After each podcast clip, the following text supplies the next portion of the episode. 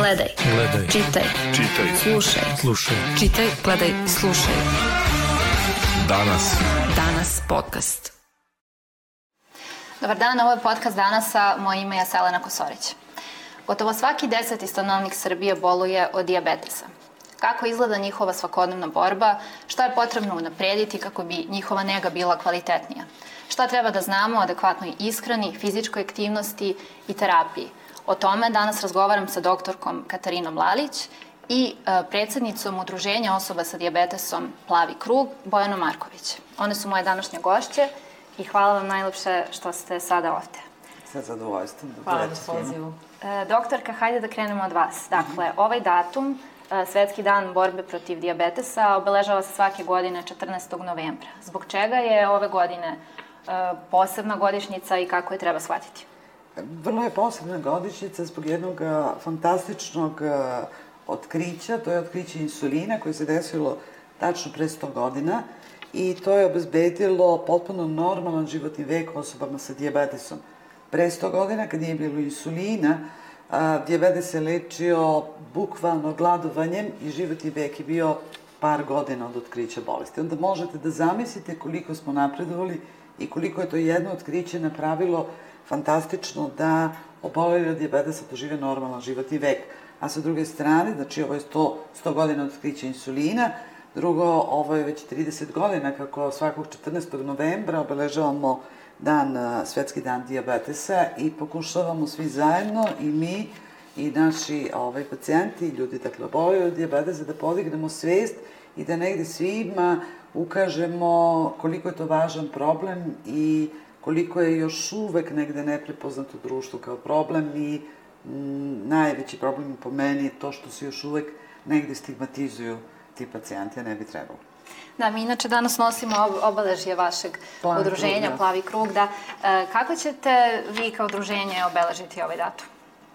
E, Mi ćemo organizovati, ove godine nam je jubilarni ovaj, maraton e, i trka podrške Plavi krug oko Ade, koji eto, organizujemo ovaj, od samog našeg ovaj, osnivanja. E, to nam je negde akcenat koliko je važna ta fizička ovaj, aktivnost e, u životu ljudi koji imaju diabetes, a i kao prevencija kod ljudi koji su u riziku ili su gojazni, ovaj, taj faktor rizika možda bude ovaj, različiti nasledni faktor i negde da pošto uh, skrenemo i pažnju kod ljudi, uh, a na samoj akciji se proverava nivo šećera u krvi, faktor rizika za dobijenje diabetes tip 2, Ove, tako da ove godine je onako jedan veliki odziv ove ljudi, ove građana koji nas vole, koji nas podržavaju, trkača. Tako da ove, mi ćemo na taj način i na taj način, e, osim toga što je ta fizička aktivnost fokus, mi svakako ovaj, kroz to ovaj, negde iskrećemo pažnju e, da osobe sa diabetesom mogu da e, žive, da funkcionišu i kao ostali ljudi, da možemo se bavimo ovaj, bilo kojim vrstom posla, sporta.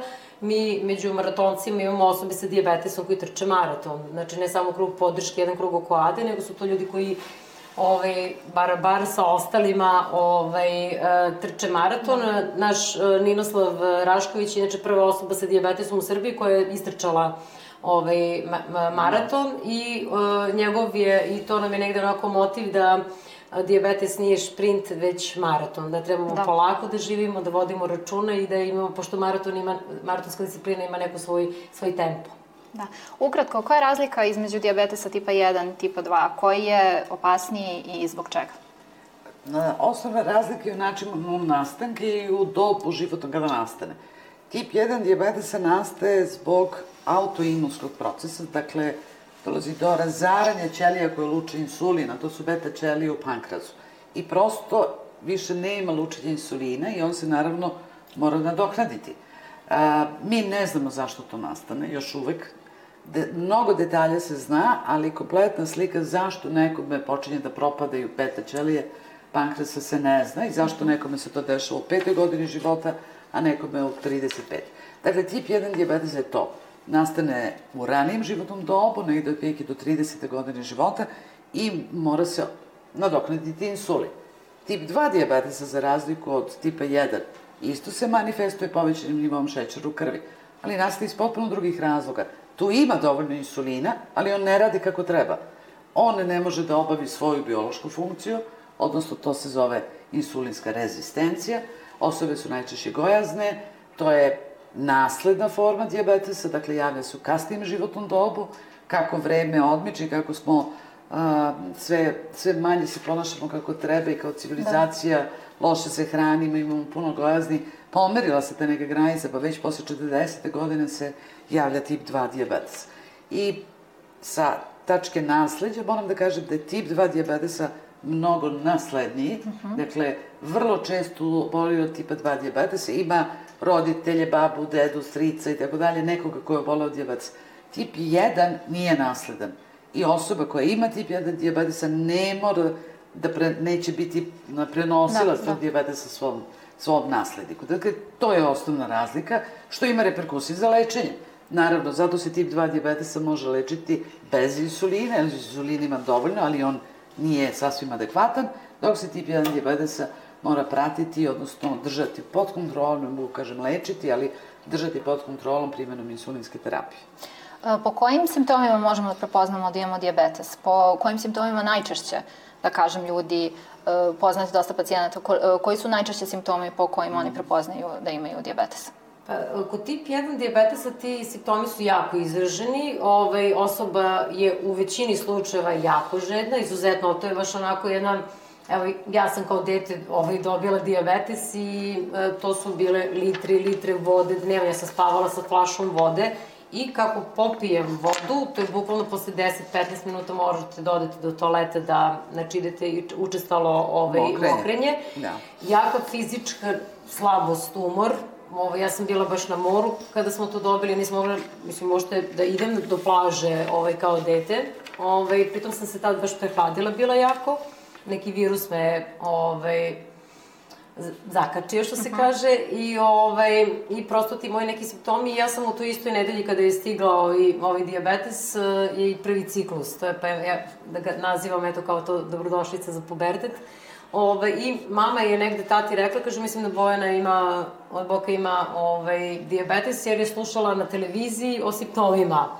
I onda su oni seli kao, pa nemamo nikog u porodici, to se sad oni nisu da, znali, naravno, te razlike. To je da, jedan da, diabetes i da, to je tipično. Da, da, da. I, ove, I ništa, onda čisto došli ovaj, sa mora, jer su oni moji, misle da sam prehlađena, sam izgubila apetit, i to je jedan isto od simptoma jer vama uh, visok šećer daje utisak osjećaj sitosti i ne, niste gladni. Ovaj, I ja sam mhm. baš onako jako smršala, znači ja sam za te da, dve nedelje izgubila 12 kg, ovaj, baš bukvalno istopila sam se.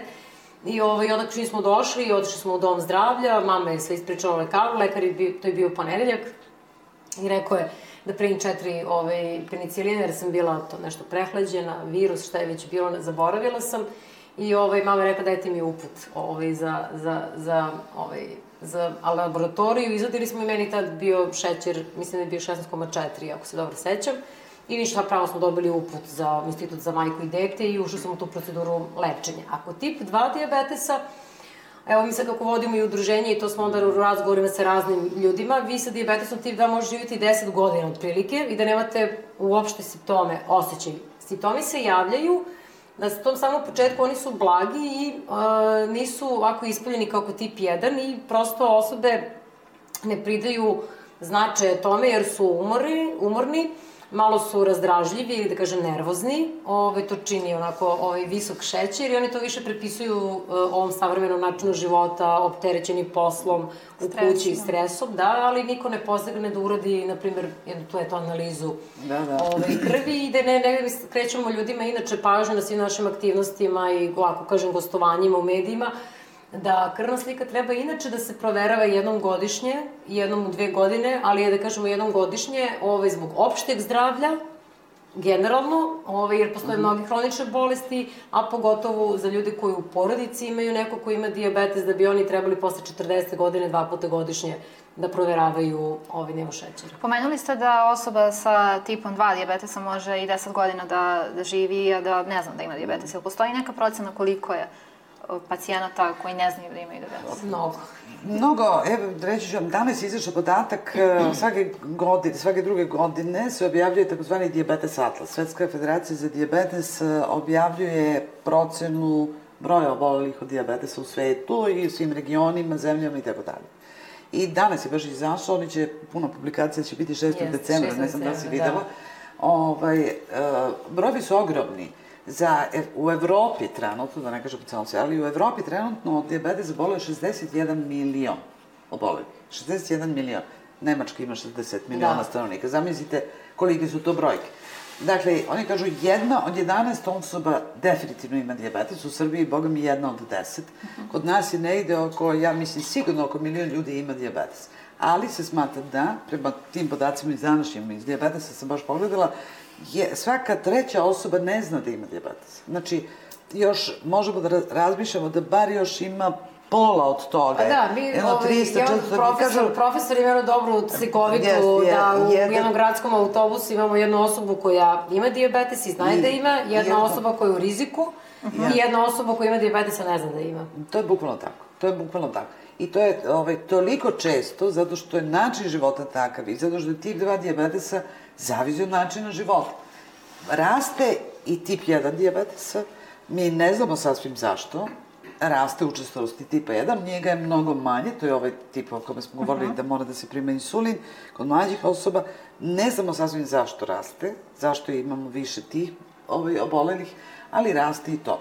U principu 80-90% su oboleli od tipa 2 dijabetesa, 10 do 20% je tip 1 dijabetes. Da, a evo osoba koja primeti da ima neke zdravstvene probleme, ode na pregled, ustanovi se da ima diabetes, e, kakvu edukaciju ta osoba dobija, kakvu edukaciju ima pristup? A, pa, tu smo u raskoraku između želje i mogućnosti, evo Bojana će potvrditi. E, edukacija je strašno važna. Znači, neko ko ima tip 1 dijabetes, on nije bolesnik ukoliko nije u, u akutnoj fazi, da ima Da. vrlo visoku glikemiju, da se loše osjeća i tako dalje. Ali ako je ovako, on žive najnormalnije, vi ne možete na ulici da prepoznate ko ima dijabetes, ko je nema. E, ja volim da kažem to, čak i ne kažem da su to oboleli od dijabetesa, ja kažem to je osoba koja nedostaje insulin. Mislim da je tom čak najbolja formulacija. Pa jeste, da, mislim s tim da je Ima- insulin hormon... Ovaj, Tako je, i koji se trenutno, nažalost, može će to i biti, ne može drugačije nositi u organizam nego ubodom injekcijom, zato što je belančevina. Da progutate čitavu bočicu insulina, ništa vam se neće desiti, svarit će vam želudac.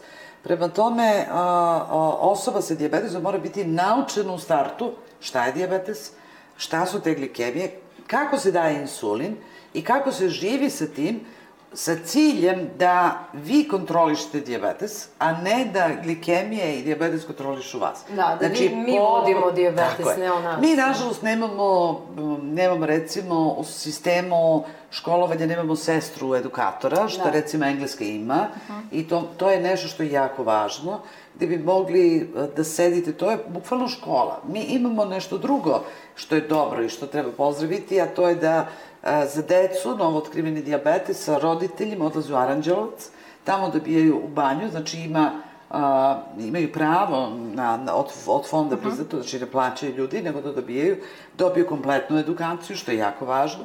Odrasla osobe, svaka koja počne sa insulinskom terapijom, ima pravo da ide na e, rehabilitaciju. Ne mogu reći Da, rehabilitaciju, nego edukaciju, to radi se u Vrnjačkoj banji. I to je idealan. To bi bio idealan sistem. To međutim kod nas škripi tu i tamo, ne može baš da se ide svake Jeste, godine. Da, i to je problem što se tiče Vrnjačke banje, kad napunimo 18 godina, to jeste malo problem što tamo baš nemamo ta edukacija nije, Nije na tom nivou. Ma ima puno i tipa 2 i tipa 1 Jeste, dijabetesa pomešano je, jer nema dovoljno ljudstva i jer tako dalje, ali jer u na Vrnjačkoj tome da banji ovaj, imaju pravo osobe koji su na insulinskoj terapiji. Znači, mi smo, pošto vi imate i ljude koji imaju tip 2 dijabetesa koji su na insulinskoj terapiji i, ovaj, i to je pravo na svake 4 godine, ovaj, 7 dana. Ovaj, ali mislim da, evo, ja sam išla, mislim, u banju, mene zanimalo da vidim tamo ove, šta je, ove, šta, mislim, prosto, ali ono što je nama potrebno ove, u toj edukaciji, to jeste ta osnova što treba da pričamo sa ovaj, lekarima je pravilno doziranje ovaj, terapije iz insulina. I to nam je jako važno i da naučimo to brojanje ugljenih hidrata, mi smo možda malo i dosadni, mi zovemo slatka matematika, da moramo da izračunamo koliko nam jedna jedinica insulina pokriva grama ugljenih hidrata. I prosto postoje tablice o ugljenim hidratima za sve namirnice Mm. i to na početku malo bude izbunjujuće. U zadnjih sedam godina je to jako napredovalo, postoje vagice za koje stavite hranu i svaka hrana ima svoju šifru i možete izračunati odmah koliko ima u toj gramaži ovaj, ugljenih hidrata koje nam olakšava da bismo mogli da se lepo, dobro doziramo. I opet da se naučim, prosto ovaj, da Jeste. masti dižu kasnije posle dva sata šećer. Ima tu dosta nekih stvari sad ovaj, da Da ne nabrajamo. Ali u principu da negde smo, eto, profesorka i ja da negde da kažemo da ljudi koji su na insulinskoj terapiji imaju mogućnost da jedu šta žele. Znači, nemaju to ograničenje. To je velika razlika između diabetesa tip 1 i tip 2, jer diabetes tip 2 mora jako da vodi računa Ishrana je sa ključna. ishranom. Je im je ključna, ona im je negde jako, jako važna. Ovaj, meni i otac ima ovaj, tip 2 i znam da sam, ja sa njim na početku dosta vodila ovaj, malo, da kažem, neku raspravu, pošto on vidiš kako ja živim, ja onda objašnjam da se naše vrste, ovaj, da. insulin, ovaj, uh, diabetese razlikuju, prosto i da smo mi negde, mislim, kako se kaže po znaku navoda, privilegovani, ali pošto mi možemo da unesemo insulina, a njemu oslabljeno ovaj, na, Radi se insulin. radi insulin i prosto on uzima terapiju i da stvarno mora ovaj, da povede računa i ta fizička aktivnost, što se to, na primjer, pokazalo jako dobro kod ljudi koji su, ovaj, imaju diabetes tip 2, da i samo hodanje, šetnja, da svako treba da prilagodi svojim mogućnostima. Vi ne možete da očekujete od starije osobe sad da ode u teretanu i da trči na traci ili da hoda, ali može da prošeta. Mi kažemo uvek ženama kada je zima, kada je led, usisajte kuću, obrišite pršinu. Mislim, prosto sad nekako malo da se da se ovaj da, Da. se potroše. Je li imate neki savet što se tiče, što se tiče same fizičke aktivnosti za, za obolele od dijabetesa? Jel postoje neka drugačija pravila za njih, neka drugačija gornja granica možda? Ne postoji Ne u postoji, principu. U principu ne postoji. Dakle, fizička aktivnost je jako blagodetna za zdravlje i život čoveka. Kako za one koji nemaju, tako i za one koji imaju diabetes. A, koliko raditi fizičku aktivnost, neka preporuka je, ako hoćete da budete zdravi, da produžite životni vek, trebalo bi raditi bar tri puta nedeljno, recimo pola sata do sat vremena fizičke aktivnosti. To je neki minimum. Bilo bi idealno svaki dan po malo, Jeste. pa kad se to savere, ali u svakom slučaju, jedino što mi edukujemo obolog od diabetesa, koji je na insulinu, je da fizička aktivnost, znači mišići za svoj rad koriste šećer. Prema tome, a, mogućnost da se spusti nivo šećera, da pacijent dođe u stanje hipoglikemije je veća sa fizičkom aktivnošću. Ona je dobra, ona potroši bukvalno šećer i prema tome neko ko će da ide da, da, da trči ili sad koji sa Bojanom budu trčali oko ade, svakako moraju da prilagode dozu insulina, da smanje dozu insulina ili da pojedu neš, Yes. neki dugo delujući šećer, tipa banane, Banane, ili da, nešto nešto da tako. možda i drži, drži ovaj, pomorače, duže. nešto što će da duže drži da ne bi došlo do hipoglikemije. Drugi savet koji je jako važan, pre i posle fizičke aktivnosti je obavezna kontrola šećera u krvi. I još I jedan nekada dan. čak i u toku. Da, i I nekada čak i u kada toku, ali duže. osoba oseti, ovaj, jasno. treba uvek da proveri. Ali ovaj, nema ograničenja stepena fizičke aktivnosti. Zavisi od opšteg zdravlja, uzrasta, može da bude Da, i maraton, i može da bude profesionalne, i profesionalni ovaj, sportiste. sportiste koji imaju diabetes. Jest, jest, ovaj, i tako da, Da. A šta ih savjetujete kada je ishrana u pitanju? Tip 1 dijabetesa može da jede sve. To je prvo savjet. da. Znači, može da jede da- sve, da, ovaj, a, odnosno, e, zamislite vi sada nekog ko je novo otkriveni dijabetes, ima 18 godina i dođe kod mene i ja onako strogo kažem, vi nikada više u životu ne smete da jedete slatko. I morate da dajete doživotno četiri doze insulina. Pa to je depresija u najavi, pa to je nemoguće. Znači, niti je to tako postavljeno, niti to tako treba. Dakle, osoba koja sebi daje insulin četiri puta dnevno i može da ga dozira prema svojim obrocima, može sve da jede, uključujući i slatkiše. Ali, naravno, ne jedete slatkiše svaki dan i nije svaki obrok Yes. slatkiš, niti to treba. Treba jesti normalno, treba jesti balansirano i iskreno kao nešto što rade i zdravi ljudi. Znači, Jeste, ne treba da, preterivati. u, u principu I- to kad radimo tu edukaciju za brojanje ugljenih hidrata, kada savjetujemo, uvek kažemo ljudima i kada to savladate, to sad ne znači da vi treba da date, onda sednete da jedete Da jedete Da, svaki da, da, obrok da da. bude torta. Naravno da ne. Ove, da ne, ali da možete da pojedete, da vas to znači negde ne ograničava kada Jeste. odete negde ili želite da, mislim, pogotovo ja sad kažem za žene, to je ono izra- izraženo u PMS-u da ove, imaju Bo- potrebu za, Da. za, za Možda da, doći do leta da pojedete sladole. Sladole, da, da, da, znači Ali prosto... se doda malo insulina da se to pokrije. Srećom, mi sad imamo vrlo savremene preparate insulina, te kratko delujuće. U suštini, e, insulinska terapija je pokušaj imitiranja ono kako se u fiziološkim uslovima luči insulin. Mi svi imamo u krvi 24 sata određenu koncentraciju insulina. Svaki obrok stimuliše naš pankreas da on vrlo tačno i precizno izluči insulin i da pokrije ono što jedete. Prema tome mi to pokušavamo. Uveče pred spavanje dajemo dugodelujući insulin koji će da deluje, da drži to stalno da ima insulina u cirkulaciji. Pred svaki obrok daje se taj brzo delujući insulin, on bukvalno pokrije to Jeste, što pokriva pojedete. tu hranu koju je, i hranu i piće koje... koje pojedete. Prema tome, to omogućava da možete da jedete u različitim vremenima dana, ne mora to da bude na minut, može da bude, pošto kratko deluje insulin, ako između obroka ćete da pojedete nešto više, ako ste se u takvoj situaciji, život je nepredvidiv, nosi svašta, jel ne možete vi da dajete svaki dan tri puta po Da, šest da. jedinica, a svaki dan jedete drugačije. Prema tome Da, i to sve se poza- razlikuje, da, i to to se razlikuje što- i to je nešto što u stvari treba da obezbedi jedan potpuni, puni, najnormalniji život. Nema razloga, ako ste zdravi sa svih ostalih strana, ako nema neke druge bolesti, jer nema komplikacije samog dijabetesa, takva osoba živi potpuno normalno, funkcioniše, radi potpuno normalno. Druga je priča što kaže Bojana za tip 2 dijabetesa. Da, da. Tu najčešće je gojaznost problem. I da bi bio dobro regulisan dijabetes, mora da se smrša. Dakle, ne možete smršati ako jedete sve. A? Smršat ćete samo ako smanjite unos, posebno ugljenih hidrata, Jeste. šećera u stvari, I, i tu mora da se primene određene dijetetske stvari i to već e, pacijenti Jeste, sami kod starijih prepoznaju. osoba, kada vi kažete trebate da smanjite unos šećera, je, se smatra slatkišima, o- a ugljeni hidrati se nalaze Najviše bukvalno u svemu što mi jedemo i pijemo osim voda. Ali u malim, znači, povrće, ne znam, za salatu, zeleno povrće ima malo ovaj, ugljenih, malo količina ugljenih hidrata, znači oni trebaju da smanje. Ako jedu, na primjer, za ručak imaju krompir, nema potrebe da se jede hleb. Mi im obično kažemo, ako hoće, jedete pasulj, nemojte da pojedete a, tanjir pun sa dva parčeta hlebnog boje, pojedete tanjir i po pasulja.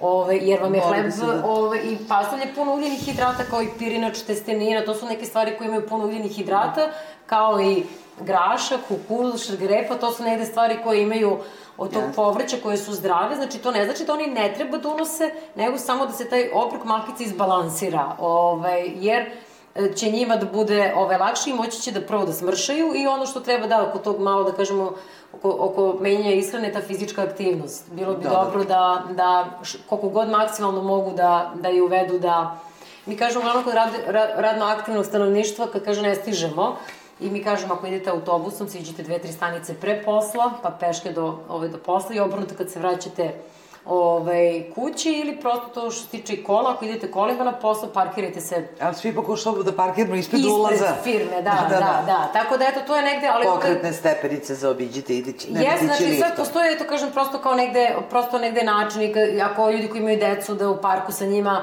ne sede na klupi, nego da se sa njima igraju, da budu Jeste. aktivni, da... Šetnja psa, recimo, i na Jeste, to je idealno, da, idealno. da, da. Evo, mislim, ja gledam, ja imam psa i koliko, na primjer, sad, pošto koristim i senzor i sad u tim šetnjama od 20 minuta, pola sata, koji je to promena ovaj, i stvarno koliko, da, koliko utiče Jeste. ta šetnja, ovaj, kako Na se, ja ako idem da treniram i koliko i ta šetnja utiče, ovaj, to mi je to kao prosto negde bio u, sa senzorom uvida koliko šetnja dobro ovaj, utiče. O, uvijek mi padne, znači, za ne, nije to nešto, neki nagli pad, ali uvijek kreće Mm. tendencija pada ovaj, šećera u krvi.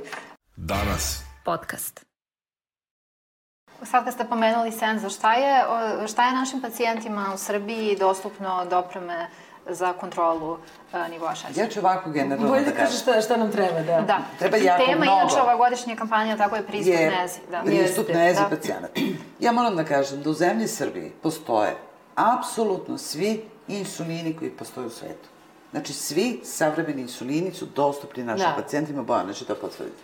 Mi nismo najbogatija zemlja na svetu i relativno skoro smo se izborili da broj tračica za kojima mere glikemije a, bude za ove koji su na četiri doze insulina 100 a, tračica mesečno. Mesečno, To je malo. To je malo. To je malo, To je dve ali... nedelje da možemo da pratimo. Tako je. I oni, nažalost, morate da kupljuju. Za ljude koji nemaju tip 1 diabetesa i na manjem broju insulina su injekcije insulina, njima je još manje. Njima sleduje 50 On- 50 tračica. za tri meseca. Ali, kako da vam kažem, pre 3-4 godine bilo je nula tračica. Znači, mi smo ipak u pomaku. Ne, ne, jesmo se pomeramo, imamo, ali- imamo dakle imamo sve insuline, imamo sve penove igle, to sve postoji. Znači sve se dobije besplatno na recept. I imamo insulinske pumpe. Nemamo Jest. one najsavremenije, ali ćemo ih imati i njih uskoro. Da, uskoro. Ali imamo pumpe i imamo od skora u poslednjih godinu dana i senzore. Dakle, Jest. to je veliki pomak. Mnogo toga nedostaje. Nema tračica, dostupnost doktora nije baš tako jednostavna. A, ne može... Mi, Jeste, i to smo- Ali s druge strane, razumete, mi nemamo u zemlji Srbiji e, 7 miliona endokrinologa. Mi imamo 200 do 300 endokrinologa, Da. daj baš da nas ima i Ne toliko, da ne nas znam toliko, tačno. da. Znači, nemate endokrinologa na svakom ćošku. I nije nigde ni predviđeno da se svi oboleli od dijabetesa leče i kontrolišu na tercijalnom nivou zdravstvene zaštite. Zbog toga radimo užasno puno edukacija.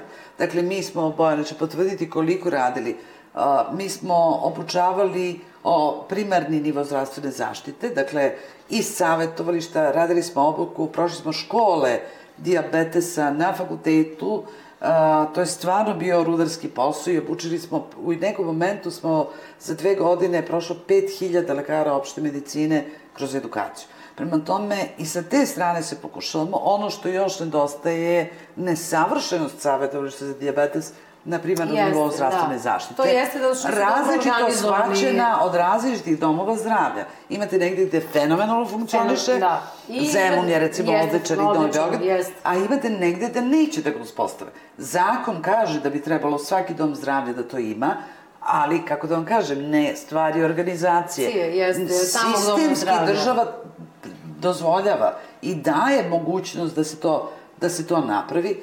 I naravno sad razne organizacijone, Jeste, organizacijone probleme, da. I ono što jeste treba isto da napomenemo, ovaj, postoji savremene inovativne terapije ovaj, za diabetes tip 2, koje smo dobili obećanje prošlog novembra sve, za svetski dan diabetesa od ove, direktorke fonda. I ove, ja sam sad slušala, ne, prošle nedelje je bila jedna konferencija ove, na kojoj je ona učestvovala i rekla je da će ove te inovativne terapije ući do kraja ove godine. Pa evo, mi sad svi željni iščekujemo, što su da. Terapije To su ove, stvarno koje veliki mnogo, pomak. mnogo mogu da pomognu u lečenju i vođenju dijabetesa ako ljudi koji imaju dijabetes tip 2, to je isto jako važno, pa se Jeste. evo mi nadamo da će to sad Jeste. ući, ovaj, svi, ovaj, jer je veliki broj pacijenata u pitanju. Kažite mi kad uzmemo u obzir koliko se, koliko se traka koje ste sad pomenuli e, dobija od e, države, e, koji su troškovi u proseku troškovi jednog pacijenta koje sam mora da? To će Bojana bolje da vam veliki, veliki, evo, Bojana mislim, može ja, da ja, da, ja, ovaj, da, ja, ovaj, kako se zove, sad pogotovo ovo za tip 2, ovaj, tip 2, ovaj, uopšte nema pravo na tračice koji su Ako na lekovima, koji piju, ako nije na insulinu. I ja, ovaj, čuvam, ovaj, tatine te račune koje podiže, pošto mu ja uzimam ovaj, terapiju u, u apoteci, on ima još pridružen, ima problem sa pritiskom i ovaj, malo i sa, sa krvi, hematološke neke probleme i ima dosta lekova koje koristi i nama u proseku, što se tiče samo ove participacije za lekove, to je 2000 dinara, dve kutije tračica su negde oko 2500 dinara, 2000 dinara jedna kutija i dve kutije, znači to je četiri i on uzima jednu ino- inovativnu terapiju koja je isto negde, ja mislim, ali od pri, u prosek je negde između 10 i 12 hiljada dinara ovaj, mesečno ovaj, jedna osoba ovaj, sa diabetesom koja ima tip 2, pritom da ne pričamo o berlitionu, znači neke suplementacije koje mora još da koristi zbog ovaj, nekih eh, promena ovaj, koje su krenule zbog diabetesa. Tako da, to je otprilike neki, da kažemo, oko 100 eura je neki ovaj, izdatak, tako da mislimo da, a, pogotovo kada su penzioneri u pitanju, ali tako mis- mislim i za radno aktivno stanovništvo koji, koji rade, to su, vi trebate da platite račune, hranu, ovaj, mislim prosto da biste normalno mogli da funkcionišete. I onda je to stvarno jako snalaženje, jako je veliki problem. Onda ljudi, i to psihološki utiče na ljude. Onda vi ljude, imate neke koji nemaju svest, mi pokušamo to da promenimo isto zajedno sa lekarima, da je jako važno da se meri, ovaj, prati šećer ovaj, u krvi, jer vi uh, morate da znate kako vam se kreće šećer, ako to ne radite, doći do komplikacija ovaj, koje su preozbiljne, a pacijent odlučuje da ne meri jer nema novca i nema tu svest koliko je to, stvari to važno i onda kada mu se desi problem, tada se ljudi trgnu. Neki se ne trgnu, ali se neki trgnu. I ja imam, ponavljam tatinu rečenicu, manje ćemo da jedemo, ćemo da kupujemo tračice. Mislim, ovaj, kada sam ja ono bila u pitanju, jer vi morate da izmerite šećer. Ja sad nosim senzor ili imam insulinsku pumpu, ali nas je malo koji u Srbiji, nije to veliki broj pacijenata ovaj, koji Ne. imaju insulinsku pumpu i prosto a samo mi imamo pravo na te senzore koji 24 sata nam prate šećer i ja sad u svakom trenutku mogu da vidim koliki mi je ovaj šećer. Ali dok nisam nosila senzor, ja sedam u auto, moram da izmerim šećer. Krećem na trening, moram da izmerim šećer. Ove četiri doze koje da. uzimam, doručak, ručak, večera i pred spavanje je obavezno merenje šećera. To je minimum tih nekih šest ove, koje sam ja morala u toku dana da izmerim. Znači, i prosto meni tih 50, u stvari 100 tračica ovaj, mesečno je malo. Tako da, prosto, eto, to su neke stvari koje moraju da se promene. Mi svakako u svim susretima, razgovorima sa Republičkim fondom za zdravstveno osiguranje to pomenjemo, pogotovo sad korona, ovaj, dok je aktualna i dalje. Uh -huh. Ovaj, pokazalo se, znači, negde u praksi da kod osoba sa diabetesom koji su dobro regulisani, koji prate nivo šećera u krvi, virus, ukoliko su zaražene koronavirusom, se ponaša kao I kod ovaj, osobe koja nema diabetes. Kod osobe koja nema diabetes. Da. Čim šećer nije dobar, onda kreću ovaj, i pogoršava se stanje, ovaj, kako se zove, zbog virusa. Danas. Podcast. A kako je e, cela pandemija uticala na, na zdravlje pacijenata? Ja sam videla podatak da je svaka treća žrtva koronavirusa na globalnom nivou bila Sa dijabetesom. sa dijabetesom. Da. Odmah su u startu pokazali, to je bilo ovaj, nekako prva informacija koja nam je stigla, a, već smo u aprilu, maju znali da dijabetes nosi poseban rizik.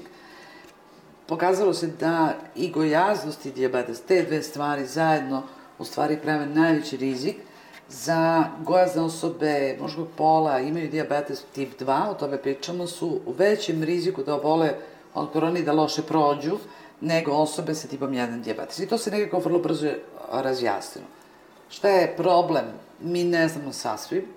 E, studije pokazuju izučavanja da je proces inflamacije, taj zapaljenski proces mnogo izraženiji kod gojazne osobe, da sada ne davim sa stručnim izrazima zbog određenih problema koje može da napravi masno tkivo i ceo taj proces inflamacije. Dakle, osoba sa diabetesom može mnogo gore da prođe, da ima veći broj komplikacija same bolesti nego neko ko nema diabetes. I drugo, sad već posle godine i po već skoro će biti Da. dve godine, kako se s ovom pošasti borimo, ono što se drugo pokazalo je da sami oboleli, e, obolevanje od korone izgleda nosi rizik za a, trajno ostajanje diabetesa posle korone. I nekako se pokazalo da je mnogo ljudi odjednom nahrupilo sa novootkrivenim diabetesom, da posle korone dobijaju diabetes.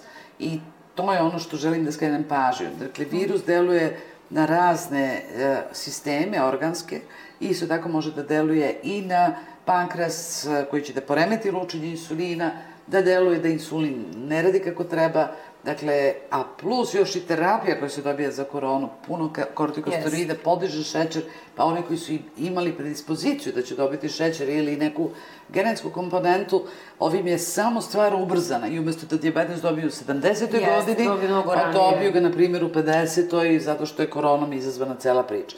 Dakle, e, neverovatno grozna kombinacija korona i šećerna bolest. Neverovatno grozna. I još jednom apelujem i koristim priliku svi oboleli od dijabetesa posebno, znači mislim na sve ljude, a posebno oboleli od dijabetesa apelujem da se vakcinišu. Nema nikakve prepreke da prime vakcinu. Apsolutno nikakve. Ni dijabetes sa komplikacijama, ni dijabetes bez komplikacija. Znači, to je jedino što može da spase da i ako dobiju koronu, oni ne prođu grozno i sa povećanom smrtnošću i tako dalje. Da, taj podatak, to sam ja videla, ta nova otkrića da korona ostavlja kao, kao posledicu. Da. Užasno. Tek ćemo otkrivati kakve sve posledice ostavlja Jeste li vi to, to sam grozno. htela vas pitam, jeste li vi to primetili u svojoj praksi? Jesmo, Jeste. jesam, ja jesam i primetila sam i mnogo ljudi nam je došlo posle preležele korone sa poremećajem metabolizma. Znači sa poremećajem metabolizma šećera, da su definitivno dobili diabetes, da ne pričamo o drugim svim komplikacijama, ali danas pričamo o diabetesu. Dakle, a mogli su da ga izbjegnu. Mogli su da izbjegnu tu Jeste. celu priču. Koliko je, njihov, e, koliko je njihov pristup zdravstvenoj nezi ugrožen usled kolapsa sad, sad zdravstvenog trenutno sistema? jeste, ovaj, vi imate ovaj, mnogo prvo lekara koji rade u COVID bolnicama ovaj, i mislim Ja. da nam je tu zdravstveni sistem jako opterećen.